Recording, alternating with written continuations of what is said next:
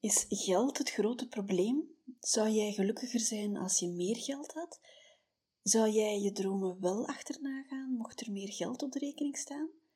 Of ligt het probleem ergens anders? Hoe jij omgaat met geld speelt een grote rol in je leven. Het bepaalt welke job je al of niet blijft doen. Het zorgt ervoor dat je je ouders al of niet dingen kwalijk neemt. En in je relaties en je vriendschappen kan het voor grote discussies en vrevel zorgen. Je kan leven vanuit een tekort of je kan leven vanuit een overvloed. Hoe leef jij?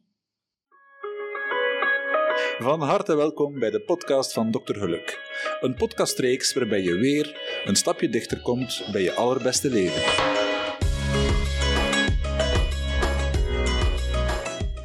Terug voor een nieuwe aflevering van mijn podcast. Ik ben Saskia van Varenberg, arts en coach. En als Dr. Geluk probeer ik je met mijn boodschappen op Instagram en met mijn podcast te inspireren voor een gelukkiger leven. Op dit moment ben ik met ons gezin op vakantie in Italië. We zitten aan het Como-meer. En terwijl mijn lief en de kinderen zich amuseren op een via ferrata, heb ik mij afgezonderd om deze podcast op te nemen. En intussen slaapt Johanna nog uit. Een vriendin van mij stuurde me gisteren een berichtje. Saskia, hoe houd jij dat vol? Ik weet niet hoe dat jij dat doet.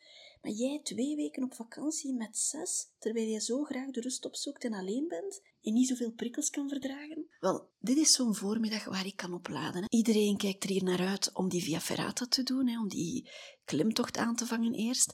Maar ik kijk er nog veel meer naar uit om een paar uur alleen door te brengen. En Johanna die wou uitslapen, dus voor elk wat wils. En op die manier heb ik eigenlijk de ideale combinatie in mijn leven. Ik heb een groot gezin met vier kinderen, een lief dat van actie en avontuur houdt, en ik kan er alleen op uittrekken om te schrijven en om zo op te laden, terwijl zij zich amuseren. En vanavond komen we terug samen, kunnen we gezellig eten, kunnen we restaurantjes zoeken, kunnen we elkaar vertellen over onze dag. En een ander leven zou te weinig zijn. Altijd alleen zijn, zonder mijn maatje, zonder kinderen, zou mij te weinig zijn. Ook al heb ik bijna zes jaar alleen gewoond en was dat ook goed, hè? Maar alles samen doen met zes, dat is mij te druk, te beklemmend en veel te veel. Dus deze combinatie is mijn ideale leven. Oké, op vakantie dus nu samen. Ik wilde gisteren mooie foto's posten op Instagram. Van deze mooie locatie, het prachtige vakantiehuis met een zwembad, de majestueuze palazzi langs de oevers in Tremezzo, de chique hotels met hun prachtige gevels. Maar ik heb het nog niet gedaan. Iets hield mij tegen. Ben ik bang voor afgunst misschien? Ben ik bang om over te komen als pocherig? En ik herinner mij datzelfde ongemakkelijke gevoel dat jaarlijks terugkwam als de patiënten vroegen of ik op vakantie ging en waarheen ik op vakantie ging. Ik had dat niet bij de mensen die mij ook hun vakantieplannen enthousiast vertelden, hè? maar ik voelde bijna een schaamte als mij dat gevraagd werd door mensen die zelf niet op vakantie konden gaan wegens geen geld.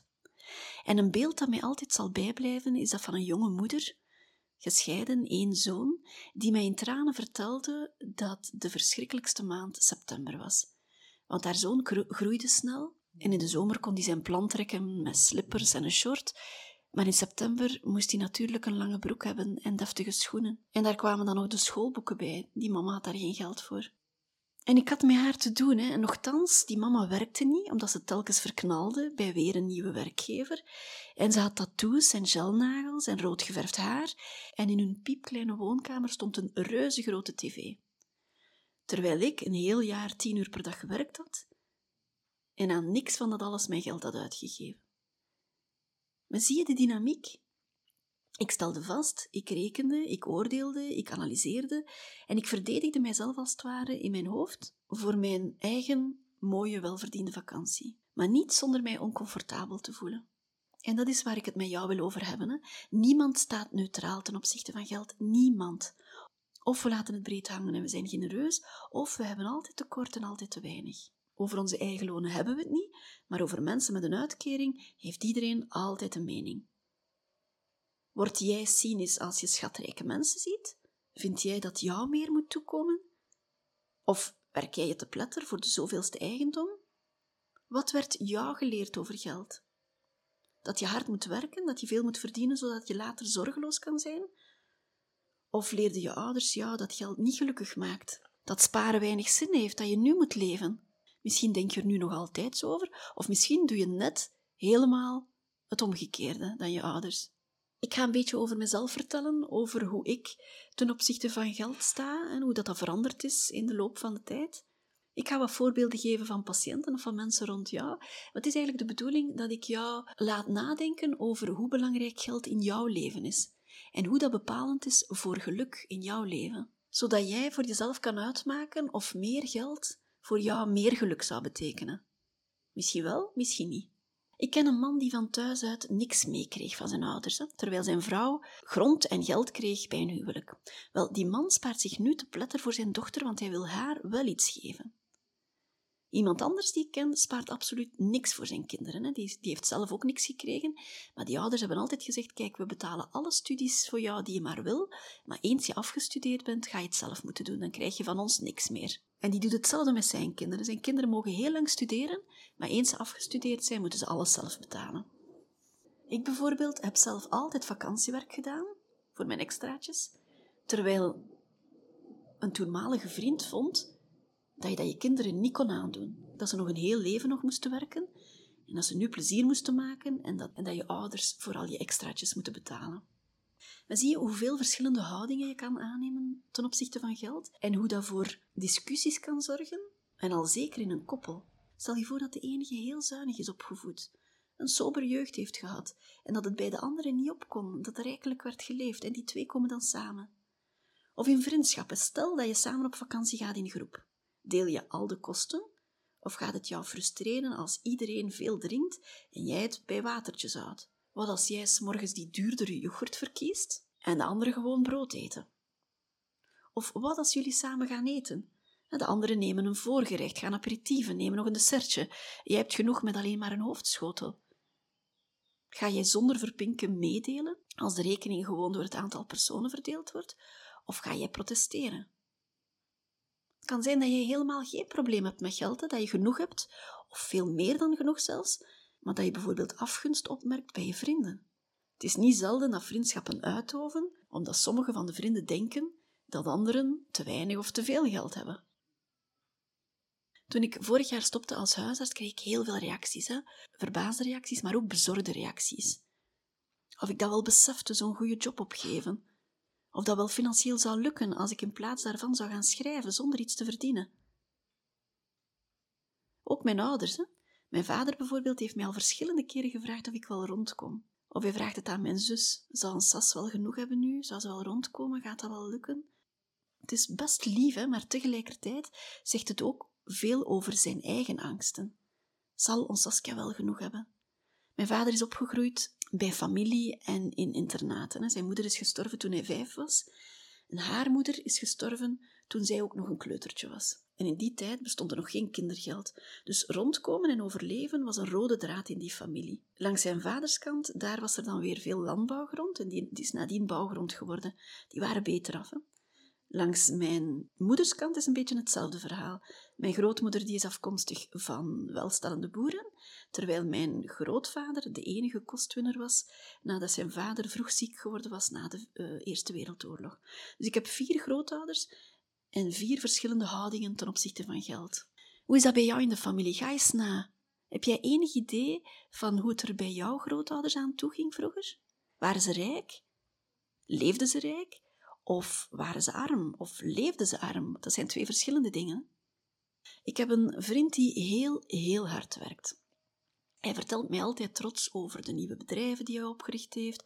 Hij vertelt over zijn nieuwe uh, huizen die hij aangekocht heeft. En op een keer ergerde mij dat zo, omdat ik vond dat hij te weinig tijd had voor zijn familie. Maar hij vertelde mij dat hij als immigrant wil bewijzen dat hij geen profiteur is. Hè. Hij wil als buitenlander laten zien dat hij geen steun nodig heeft. Integendeel, hij wil zijn familie in het buitenland onderhouden. Hij wil zijn familie bewijzen dat hij het heel goed doet hier, dat hij heel succesvol is. En hij wil voor zijn ouders hun oude dag zorgen. Nu, in zijn land waren zijn ouders en grootouders heel welstellende burgers. Maar in de oorlog zijn die alles kwijtgeraakt. Oké, en dat verhaal klopte wel. Hè? Dan zie ik van waar dat komt en dan heb ik helemaal geen oordeel te hebben over iemand die veel werkt, want voor hem betekent dat te kunnen zorgen voor zijn familie. En je moet dat voor jezelf ook eens nakijken van, als jij geld wil, wat betekent dat voor jou? Wat is geld voor jou? Betekent dat dat je je dan veiliger voelt? Betekent dat meer rust voor jou? Of betekent dat imago? Hè? Betekent dat dat je aan de buitenwereld kan laten zien dat jij het gemaakt hebt, dat jij succesvol bent? Of Is het een vorm van liefde dat jij voor je kinderen wil zorgen later? Dat jij wil zorgen dat je kinderen geen problemen hebben, zoals jij gehad hebt bijvoorbeeld? Hè? Dat, jij, dat jij je kinderen geldzorgen wil besparen en dat je hen een goede start wil meegeven bijvoorbeeld, als zij zelf aan een gezin beginnen? Of dat zij zelf zonder moeite kunnen hun kinderen laten studeren, waar jij wel moeite had om dat te doen? Geld kan zoveel betekenen. Hè?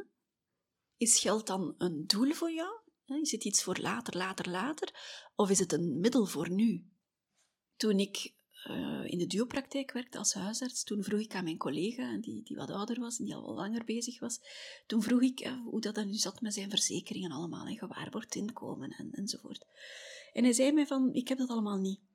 En dat verbaasde mij. Ik, ik, begreep dat niet. En hij zei: Ik ga ervan uit dat er later altijd wel iemand zal zijn die mij wel een boterham zal geven. En dat is eigenlijk een zinnetje dat ik zelf ook heel veel gebruik nu. Hè. Ik verdien op een maand minder dan dat ik toen in een week verdiende, maar ik ben tegelijkertijd veel meer gelukkig en veel meer ontspannen. En als mensen mij daarover aanspreken, van maakt jou dat niet bang of maakt je dat niet onzeker, dan zeg ik van, ik ben er zeker van dat er later altijd wel iemand zal zijn die mij een boterham of een zetel zal aanbieden. Wat is de kans dat ik ooit dakloos word? Wat is de kans dat ik ooit honger heb? Het kan, hè? dat is niet helemaal onbestaande, maar ik geloof erin dat er genoeg mensen zijn die mij op dat moment ook zullen helpen. Denk je dat niet? En daar zit het grote verschil met hoe ik vroeger leefde. Ik leef nu vanuit overvloed en ik leef niet meer vanuit een tekort. Ik ben opgegroeid in een gezin waar, er, uh, waar het geld niet langs ramen en deuren werd buitengesmeten, waar er gespaard werd, waar er verstandig werd omgegaan met geld, maar waar we ons altijd wel heel bewust waren van de uitgaven, ook als kind. Maar mijn ouders hebben zich altijd veel meer zorgen uh, moeten maken over geld. Hè. Dat was al in hun jeugd. Maar ik weet dat dat na hun scheiding ook wel een, een, een bron van zorgen was. Hè, van hoe gaan we dat nu doen als alles in twee moet en, en wie houdt wat. Terwijl bij mijn scheiding was dat niet zo'n probleem, hè, omdat ik waarschijnlijk als arts goed geld verdiende en mijn man ook een goed loon had. Dat was minder op de voorgrond, die problemen. En ik heb mijn ouders heel lang kwalijk genomen dat ik veel vakantiewerk moest doen en dat ik moest bijleggen bij mijn studies, maar achteraf kan ik daar alleen maar dankbaar voor zijn, want ik heb die waarde van geld wel heel goed leren kennen. Ik ging vertaler-tolk doen, ik mocht geen geneeskunde studeren, want dat was een te lange studie voor mijn mama. En ik heb toen voorgesteld van, kijk, ik ga de helft bijleggen bij mijn kot, ik ga de helft van mijn boeken betalen en ik ga ook blijven werken in het weekend in de bakkerij en in de week in een restaurant om bij te dragen in de kosten. Was dat makkelijk? Nee, dat was niet altijd makkelijk. Maar dat heeft mij wel veel geleerd. Dat heeft mij veel mensenkennis opgeleverd. Dat heeft mij geleerd dat je keuzes moet maken van waar geef je je geld aan. Als jij dat geld in het weekend verdiend hebt, dan ga je dat zomaar niet weggooien voor de meest onnozele dingen. En dan ga je nadenken of dat nieuw paar schoenen nodig is en of die nieuwe trui wel echt zo noodzakelijk is. Ik wilde na mijn humaniora met een vriendin mee naar Australië. Zij ging naar Australië, ik mocht mee met haar. Dat was een heel duur ticket. Hè. Dat was 64.000 frank, Belgische frank. Ik heb dat tot de laatste cent bijeengespaard met te gaan babysitten. Was dat fijn? Nee, natuurlijk niet. Want mijn vriendinnen gingen naar vuiven en ik moest eerst gaan babysitten. En nog, oké, soms ging ik na het babysitten naar huis en nam ik stiekem mijn fietsje en ging ik ook nog naar een vuif. Maar zij waren er wel van in het begin. Maar ik was natuurlijk heel blij als ik mijn ticket kon betalen en als ik naar Australië kon gaan. En waarschijnlijk heb ik daar misschien nog meer van genoten dan als dat ticket mij gewoon gegeven was. Was het fijn om na oudjaarsavonds, morgens om zes uur, in de bakkerij te gaan meehelpen? Oh, nee, dat was vermoeiend, hè? Dat, was, dat was niet zo fijn om dan op te staan. Of om tijdens de examens ook te gaan werken. Maar ik heb het gedaan ik ben er wel fier op achteraf. Ook al heb ik mijn ouders dat misschien toen wel kwalijk genomen. Dat mijn vriendinnen dat niet moesten doen en dat die zomaar hun zakgeld kregen. Maar het heeft mij wel veel geleerd en in de loop van de jaren verandert jouw houding dan ten opzichte van geld. En ten opzichte van je ouders natuurlijk. Er zijn heel veel dingen die je ouders als kind kwalijk neemt, of als puber of als tiener, maar waar je nadien wel dankbaar voor bent, voor de lessen die, die het jou bezorgd heeft. Ik kreeg geen lenzen, ik heb dat verhaal al verteld. Ik kreeg geen lenzen, ik had een brilletje, ik wilde geen brilletje, ik wilde Ja, uiterlijk was belangrijk. Hè? Als je 15 bent, is uiterlijk belangrijk. Maar ik kreeg geen lenzen, want mijn ogen veranderden nog te vaak. En dan zou ik veel te vaak nieuwe lenzen moesten, moeten kopen. En, en dat was niet goedkoop toen. Wel, ik heb mijn eerste vakantiejob gedaan bij een rijke juweliersfamilie in Knokke. En ik heb met dat geld mijn eerste paar lenzen gekocht. En ik was daar heel blij mee.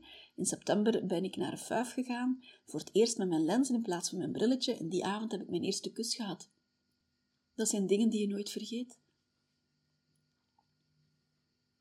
Ik kreeg 1000 Belgische frank leefgeld toen ik op kot was, per week 1000 frank. Maar ik moest opschrijven waaraan ik dat geld had uitgegeven. Wel, ik had zogezegd elke dag vlees, maar ik had nooit vlees. En met het geld dat ik daarmee uitspaarde, ging ik naar de film bijvoorbeeld. Dus je wordt wel creatief, je wordt wel vindingrijk. En je gaat heel, heel, heel bewust om met elke frank of elke euro die je uitgeeft. Is dat altijd fijn? Nee, nee, want je ziet vriendinnen die daar niet moeten naar kijken en die zomaar veel zak, zakgeld krijgen en die zomaar alle mooie kleren kunnen kopen die ze willen. Maar het heeft mij wel de waarde van geld bijgebracht.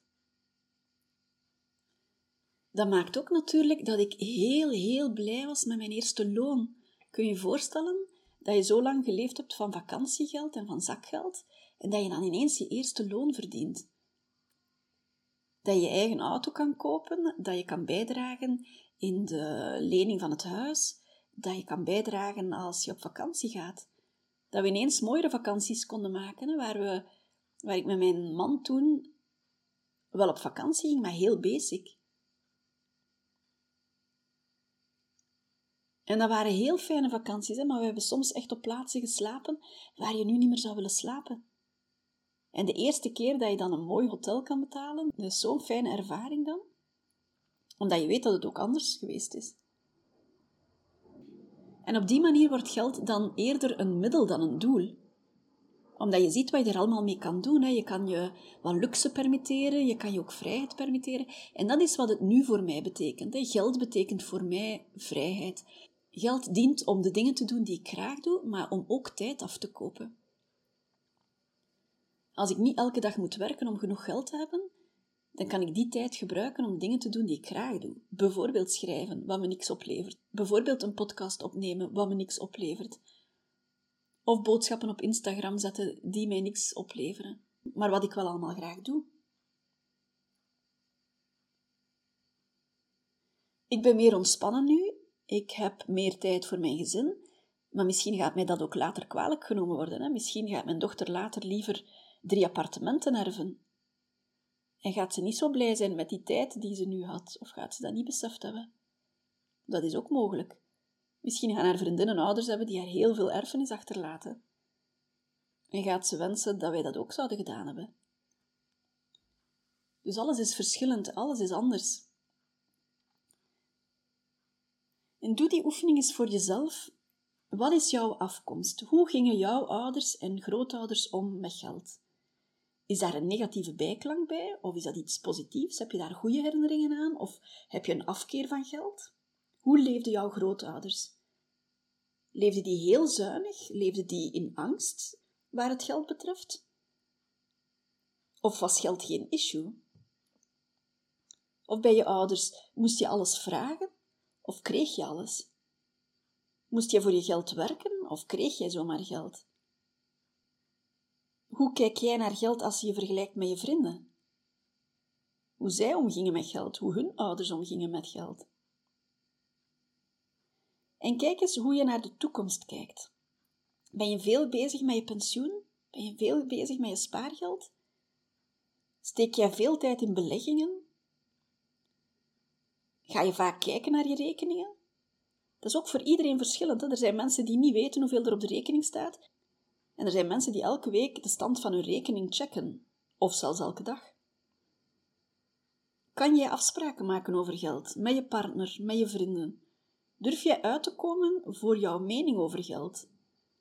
Of heb je daar een opinie over, maar mag niemand weten hoe jij over geld denkt? Kan jij open en bloot over je loon spreken? Of is dat een groot taboe voor jou? Weet je wat je ouders verdienen? Of werd daar niet over gepraat?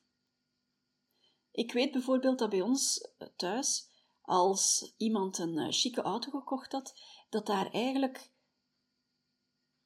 een beetje meewarig over gedaan werd. Maar waarschijnlijk niet meewarig, maar misschien was het afgunst, ik weet het eigenlijk niet. Maar dat maakt dat ik nu ook iets heb bij chique auto's, dat dat iets heel onaantrekkelijks is voor mij. Maar dat is omdat ik dat altijd gehoord heb. Want daar ga je toch je geld niet aan geven. Hoe stom is dat? Hoe belachelijk is dat? Veel geld geven aan een dure auto.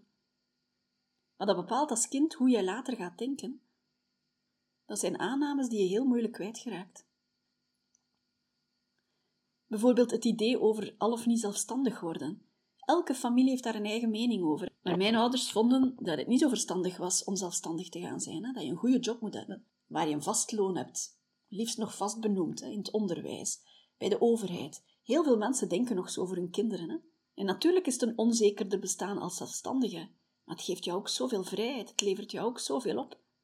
Maar durf je dat doen? Of zit het vooroordeel van je ouders nog zo diep in jou ingebed? Heb jij voor jezelf al eens de oefening gemaakt hoeveel je nodig hebt om rond te komen? Weet jij hoeveel dat je uitgeeft aan eten, aan ontspanning?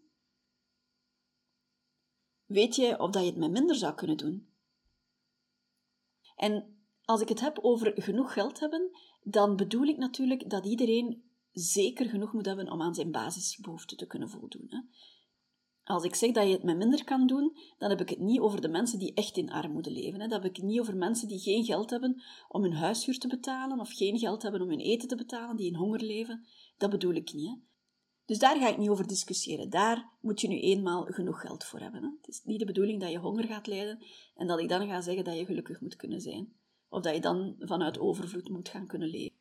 Ik ga op de website van Dr. Geluk en op Instagram ook eens de figuur zetten van de piramide van Maslow. Maslow was een Amerikaans psycholoog die in de vorige eeuw visueel voorstelde wat de behoeften zijn van de mensen. Wat motiveert ons, wat hebben we nodig en wat maakt ons gelukkig. Om zo dan te komen tot maakt geld ons gelukkig. En om dat ook voor jezelf te weten te komen. Wat maakt mij gelukkig? Wanneer ben ik gelukkig? Wanneer kan ik gelukkig zijn? Wanneer is genoeg genoeg? En de basisbehoefte van elke mens, dat is eten, drinken, eh, slapen en voortplanting. Als jij honger hebt, dan ga je niet bezig zijn met jezelf te gaan ontplooien. Als jij geen drinken hebt, dan ga je niet denken van welke cursus zou ik nu eens kunnen doen om mij wat beter te voelen. Dat gaat niet. Als jij nacht na nacht wakker gehouden wordt door een of andere folteraar, dan ga je niet bezig zijn met uh, hoor ik erbij, hè? heb ik genoeg vrienden. Dat, dat, dat is gewoon niet aan de orde dan. Hè. De tweede trap van uh, behoeften, dat is de behoefte van veiligheid en zekerheid. Hè. Elke mens wil orde en stabiliteit in zijn leven, wil vooral gezond zijn en wil zich ook veilig voelen. Als jij in een tentenkamp woont in de oorlog, dan ga je ook niet bezig zijn met uh, zingeving in je leven. Dan is jouw eerste doel om in veiligheid te zijn en om te zorgen dat je, dat je niet ziek wordt en zo. De derde trap van die piramide, dat is de behoefte aan sociale acceptatie. Iedereen wil erbij horen, iedereen wil graag gezien worden, iedereen wil vriendschap en familie. We willen erbij horen, we zijn nu eenmaal sociale wezens. De volgende trap, dat is die van de waardering en de erkenning. Je wil voor je werk gewaardeerd worden. Je wil gewaardeerd worden als persoon. Je wil respect krijgen. Je wil respectvol zijn naar anderen. Misschien is daar iets of wat van status bij. En de hoogste trap dan is de trap van de zelfontplooiing. Hè? Je bent veilig, je hebt al je basisbehoeften, je kan slapen, je hebt een dak, je hebt kleren, je voelt je veilig, je bent gezond, je wordt gewaardeerd, je hebt een, uh, een, gemeenschap waar je bij hoort, mensen vinden jou succesvol. En dan is het misschien uh, tijd voor die nieuwe behoefte, dat is, kan ik mijzelf zijn? Voel ik mij hier goed op deze plek? Ehm, is er misschien iets anders waar ik mijn creativiteit kan in uiten? Hoe zit dat met mijzelf als persoon, mijn persoonlijke ontwikkeling? Hoe zit dat met mijn waarden en normen? Klopt dat nog in mijn leven? En als aan al die basisvoorwaarden voldaan is, dan is er nog een bijkomende trap en dat is wat is de zingeving van jouw leven? Misschien vind jij het belangrijk om je te kunnen inzetten. Misschien heb jij het zo goed, is aan al jouw voorwaarden voldaan om een goed leven te hebben en is het nu tijd voor zingeving. En dat zie je dan bijvoorbeeld bij een Bill Gates hè, of bij een, uh, bij een Oprah Winfrey bijvoorbeeld. Van oké, okay, die hebben genoeg, die hebben genoeg van alles. Wel, de volgende stap is dan, die laatste stap is, dat die zich gaan inzetten voor anderen, hè, voor een betere wereld, een ideaal. Ja, liefdadigheid bijvoorbeeld. Maar kijk eens na in jouw leven van wat is er nodig om aan jouw basisbehoeften te voldoen. Kan je jezelf helemaal ontplooien hè, tot de persoon die je wil zijn? Oké, maar kan het dan misschien met iets minder? Misschien kan je het nog rustiger maken in jouw leven. Misschien kan jij minder gaan werken of, of kan jij een andere job gaan doen. Of ben je net tevreden met de job die jij hebt, omdat die ervoor zorgt dat je al die dingen kan verwezenlijken? Maar wees je daarvan bewust, welk leven leid ik nu en welk leven zou ik willen leiden? Is geld voor jou het allerhoogste doel, of is het vooral tijd, of zou je liever uh, je geld gebruiken om daar iets zinvol mee te doen? Een vriendin van een vriendin bijvoorbeeld, die heeft haar vaste job opgegeven, haar goed betaalde job. Die was op zoek naar meer zingeving en die is nu bezig met een soort waterfiltersysteem dat zij dan in de arme landen zou kunnen gaan uh, implementeren. Maar eerst en vooral moet je weten hoeveel heb ik nodig om aan al mijn basisvoorwaarden te voldoen. Vind je het belangrijk van een eigen huisje te hebben? Vind je het belangrijk om een groot huis te hebben? Wat is jouw mening over kleren? Of kan jij met tweedehands kledij voort? Wat vind jij over voeding? Geef jij liever meer geld aan gezonde biologische voeding bijvoorbeeld dan aan kleren? Of is een eigendom voor jou niet het belangrijkste en heb jij liever veel tijd om muziek te spelen bijvoorbeeld? Mijn vriendin in Australië die is halftijds gaan werken en haar man ook. Die zijn kleiner gaan wonen en die kunnen nu de helft van de tijd gaan musiceren, omdat dat nu eenmaal hun grootste geluk is, dat is tijd hebben om muziek te kunnen maken. Daar heb je natuurlijk wat moed voor nodig om kleiner te gaan wonen, om je groot huis te gaan verkopen, maar die zijn veel gelukkiger nu. En niemand kan dat voor jou uitmaken, jij moet dat voor jezelf uitmaken. Ben jij gelukkig op je job? Of zit jij in een gouden kooi? Ik ken zoveel mensen die in een gouden kooi zitten, die hun job niet willen verlaten, maar die daar niet gelukkig zijn. Ik ken een koppel die nu allebei bij de overheid werken, en wel, die, die willen daar weg, want dat maakt hun niet meer gelukkig. Die werken allebei op de Belastingdienst en die gaan daar weg, want die willen een zinvoller leven leiden. Ook al gaan ze minder geld hebben, maar die gaan daarvoor, die gaan hun gouden kooi verlaten.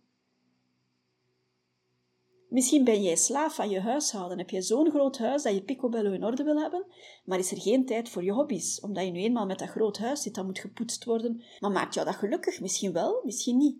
Dat kan jij alleen maar weten. Hè? Maar lijst eens op, wat zijn jouw bezittingen? Wat heb je niet meer nodig? Wat kan je verkopen? Wat wil je zeker wel behouden?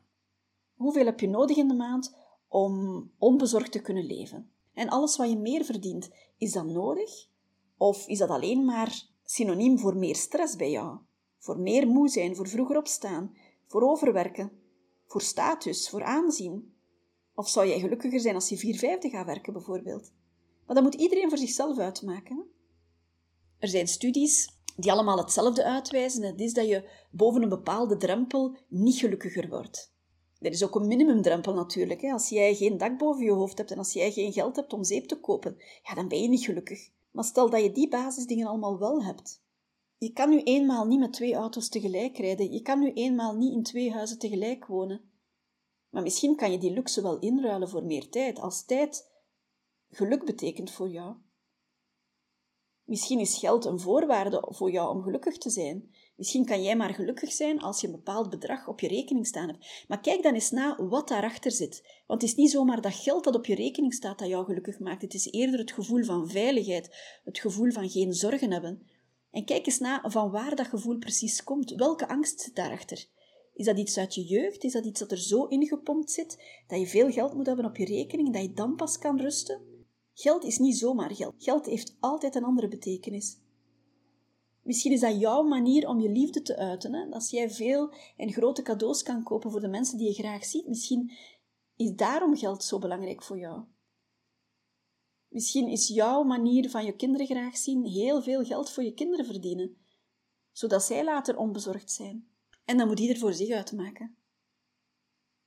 Ik denk niet dat ik een gelukkige moeder ben als ik veel geld op de rekening staan heb en als ik tot s'avonds laat ga werken en opgejaagd ben en op zondagnamiddag al zenuwachtig word omdat ik maandag een drukke job moet gaan uitvoeren. Dat weet ik intussen, dat maakt me niet gelukkig. Ik ben wel ontspannen, ik ben wel gelukkig als ik kan doen wat ik graag doe. Of als ik aan mijn roman kunnen werken heb, of als ik tijd kan maken om mijn dochter zelf op te halen na een examen. En wat ik in de loop van de jaren geleerd heb, dat is dat ik nu eigenlijk vanuit overvloed leef en niet meer vanuit een tekort. Ik weet hoeveel ik nodig heb om voldoende te hebben. Maar wat ik wel graag doe, dat is af en toe eens weggaan. Dat is erop uittrekken, maar ik kan heel erg genieten van de natuur, dus ik hoef niet zozeer dat chic hotel te hebben. Maar ik wil wel een mooi uitzicht. Ik heb natuur nodig, ik heb muziek nodig, ik heb cultuur nodig. Ik heb mijn telefoon nodig, want ik wil in verbinding blijven met de mensen die ik graag zie. Er zijn mensen die best zonder kunnen. Voor mij bijvoorbeeld is een Spotify-abonnement belangrijk. Al die muziek waar je zomaar kan uitkiezen.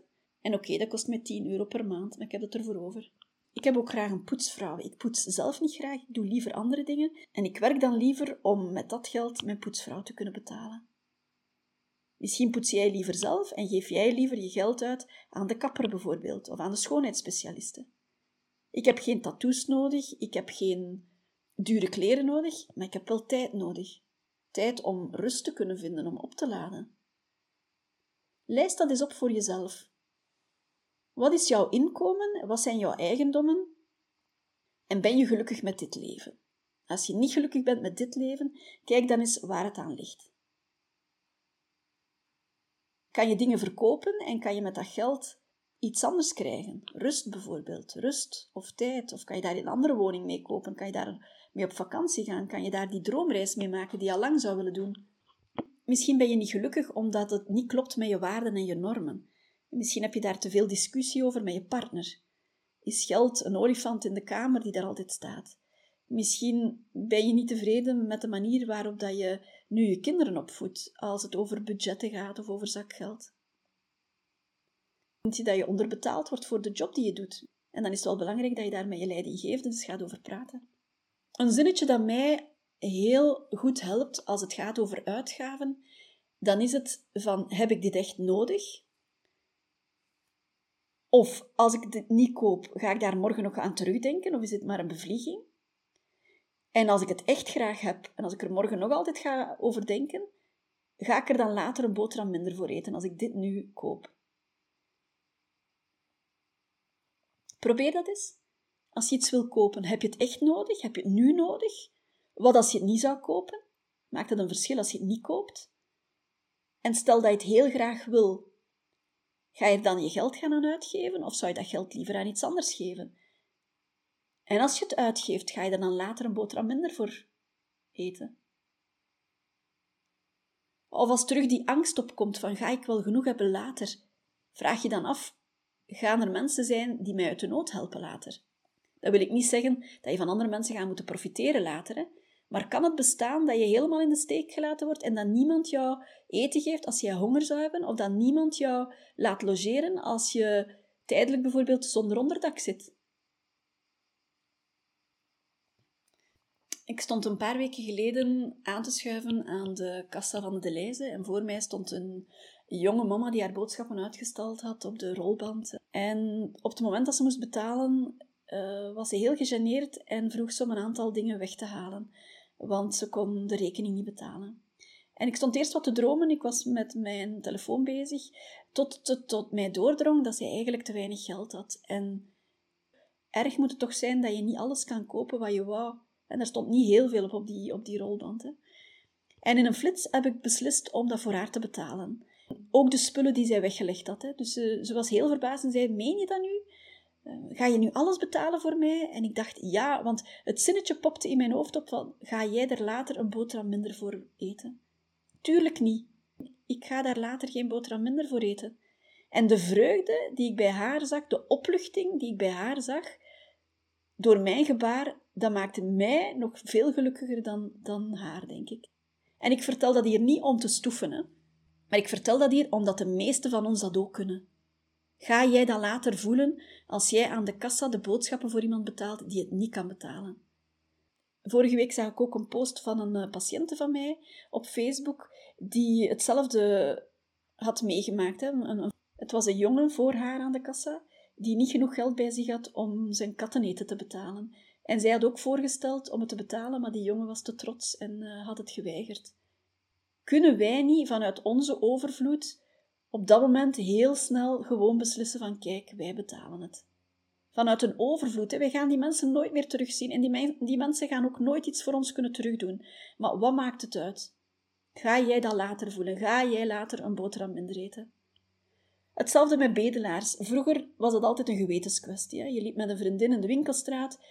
De ene wou wel iets geven, de ander niet. En dan de discussie van, ja, maar het schijnt dat die rijk zijn. En het schijnt dat die dan uh, mensen hebben waarvoor ze werken. En dat die dan in chique villa's in Roemenië wonen. Kan allemaal best zijn. Maar ga ik later een boterham minder eten als ik die nu een euro geef? Nee, toch? Zijn dat dan profiteurs? So wat? Maar misschien zijn het echt arme mensen.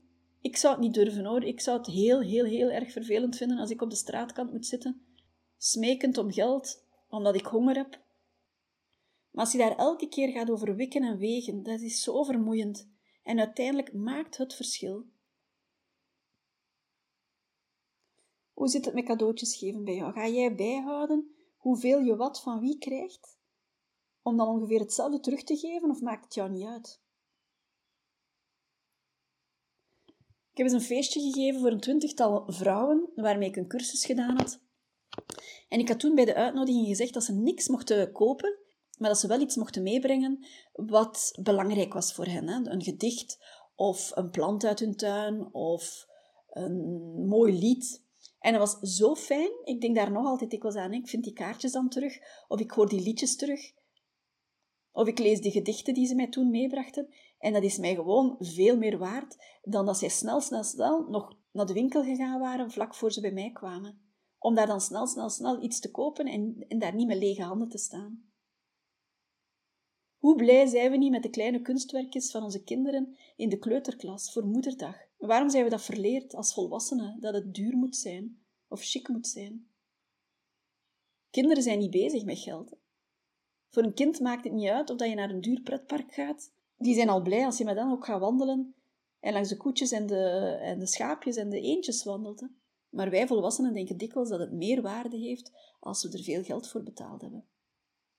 Ga voor jezelf eens na hoe vaak dat je op een dag met geld bezig bent, of hoeveel stress dat geld jou bezorgt, en wat daarvoor in de plaats kan komen als je dat niet zou hebben, als je die angst over te weinig zou kwijtgeraken. Wat zou jouw droomleven zijn? En wat heb je daarvoor nodig om dat te bereiken? Wat moet je loslaten? Wat heb je zeker nodig? En hoe vertaalt dat zich in geld? Hoe kan je aan meer geld geraken? Wat kan je verkopen om geld genoeg te hebben daarvoor? Of misschien kost die droom jou helemaal niks. Moet je wel je imago opgeven? Moet je misschien kleiner gaan wonen? Mijn belangrijkste boodschap van deze aflevering is dat iedereen een eigen mening heeft over geld. En dat die mening voortkomt vanuit onze opvoeding, vanuit onze jeugd, vanuit trauma's van onze ouders of grootouders soms ook. Maar dat jij dat kan veranderen. Jij kan een andere houding aannemen tegenover geld. Je kan het gaan zien als een middel in plaats van een doel. Je kan je gevoel daartegenover veranderen. Je kan de misverstanden uitpraten met de mensen rond jou, rond geld. Je kan je stress verlagen rond geld. En jij kan zien welke rol geld speelt voor wat jouw allerbeste leven betekent. Dat is ook iets wat heel vaak terugkomt bij coachingsessies. Hè? Mensen zijn ongelukkig, het zijn een relatie, het zijn een job, maar gaan toch blijven omwille van dat geld. Dat is een heel hoge prijs die dan betaald wordt, want ze zijn niet gelukkig. Ze willen die job niet meer doen, ze willen die relatie niet meer, maar oh jee, wat staat er aan te wachten? Want er gaat financieel iets veranderen. Ja, natuurlijk gaat er financieel iets veranderen, maar er komt ook zoveel in de plaats. Een vriendin van mij had haar droomhuis in Spanje aangekocht, maar was totaal niet gelukkig in haar relatie. Tuurlijk gaat ze met pijn in het hart dat huisje in Spanje misschien moeten laten gaan, maar daar komt misschien wel opluchting in de plaats van die slechte relatie die over is. Een vriendin van mij heeft haar job in de bankenwereld opgegeven en is nu zelf coach geworden. Zij is zoveel gelukkiger nu ze die gouden kooi verlaten heeft. Jonge ouders bijvoorbeeld, die ineens minder gaan werken, die verdienen minder, maar die zijn vaker bij hun kinderen. En die vinden dat veel waardevoller. Ook al hebben ze er misschien een auto moeten voor opgeven. Neem eens een blad papier en lijst eens op wat jouw bezittingen zijn. En schrijf ook je dromen op en kijk wat die droom jou kost. Ik heb vorig jaar die oefening gemaakt en ik heb besloten dat ik mijn leven helemaal wou veranderen. En ik kan het jou alleen maar aanraden. En ik heb veel geld uitgegeven om die tuinkamer in te richten, maar die is volledig naar mijn goesting. Daar zijn geen compromissen gesloten. Dat had goedkoper kunnen zijn, dat is waar. Maar ik ben daar zo graag en die brengt mij zo tot rust dat ik blij ben met elke uitgave die ik daar gedaan heb. En doe dat ook. Hè. Vanaf nu, als je iets betaalt, vraag je af van, word ik hier blij van? Als jij je eten betaalt aan de kassa, wees blij dat je dat kan betalen, maar wees je er ook van bewust wat je aan het betalen bent. Misschien word je niet zo gelukkig als je die zak chips moet betalen, of die bergen snoep die daar op de rolband liggen. Word je wel blij als je ziet hoeveel verse groenten en hoeveel vers fruit je mag betalen. Als je dat mooi jurkje of die mooie broek koopt, wees je bewust van het geld dat je daar op de toonbank ligt en vraag je af of dat je gelukkig bent daarmee. Maar je gaat een heel andere relatie met geld aangaan als je zo denkt. Bij elke uitgave, als je je dan afvraagt van maakt dit mij gelukkig of niet, ga je anders gaan consumeren. Dat is een heel leuke oefening om te doen. En je gaat zien dat je uiteindelijk veel minder koopt dan vroeger. Dus heb ik dit nodig? Maakt dit mij gelukkig? Ga ik er later een boterham minder voor eten? Zal er later mij iemand een boterham geven als ik het nodig heb? Leven vanuit een tekort of leven vanuit overvloed? Jij kiest. En weet je, uiteindelijk komt het ook weer neer op diezelfde dankbaarheid. Als jij elke dag je zegeningen telt, als jij elke dag weer weet waarvoor je dankbaar bent, dat wordt een oneindige lijst en dan zie je dat er zoveel is. En hij kan zien naar wat er wel is in plaats van wat er niet is. En dat is ook weer leven vanuit die overvloed in plaats van leven vanuit een tekort. Als ik hier s morgens opsta en de zon schijnt en het is hier lekker warm en het zwembad is voor mij alleen en ik zie al die oleanders en ik heb een uitzicht op die olijfgaarden en het meer ligt in de verte te schitteren en ik weet dat onze kinderen gezond zijn, dat wij gezond zijn, dat er straks eten is, dat we straks een uitstap kunnen doen, dat we vanavond weer kunnen eten, ja, dan is er al heel veel om dankbaar voor te zijn. En dan ben ik niet bezig met wat er niet is. Dan ben ik niet bezig met dat vijfsterrenhotel hier een beetje verderop, waar je 500 euro per nacht betaalt dat interesseert mij niet en daar, daar verlang ik ook niet naar. Kijk eens in hoeverre geld ook te maken heeft met ego. Kijk eens of geld voor jou een soort compensatie is, een soort troost om iets anders goed te maken. Hoe zit het met uitgesteld verlangen? Moet alles meteen in orde komen? Waarvoor ben jij vandaag allemaal dankbaar? Dus maakt geld gelukkig? Dat is niet zo eenvoudig om daarop te antwoorden. Want wat betekent geld voor jou en wat betekent geluk voor jou? En pas als je die twee uitgezocht hebt, dan kan je daar een zinnig antwoord op geven. Sowieso ben ik ervan overtuigd dat materieel bezit weinig bijdraagt tot dat het eerder ervaringen zijn en herinneringen en dat het eerder mensen zijn die jou gelukkig kunnen maken. En dat het ook de vriendschap is en de liefde die jou gelukkig kunnen maken. Veel meer dan die materiële bezittingen.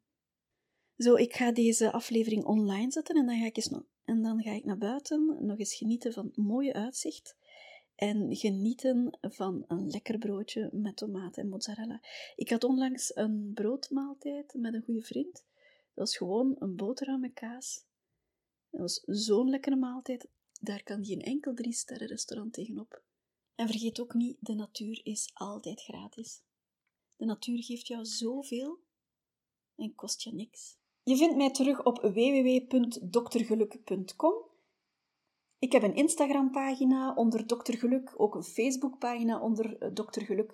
En elke week ben ik er met een nieuwe podcastaflevering. Laat mij weten wat je ervan vindt. Geef mij tips voor nieuwe afleveringen. En abonneer je als je geen enkele aflevering wil missen. Weet dat jij aan het stuur staat van jouw leven. Dat jij de kapitein bent van jouw leven. Jij weet je waarden en je normen. Jij kan kiezen wat jou gelukkig maakt. Hou je goed en tot de volgende keer.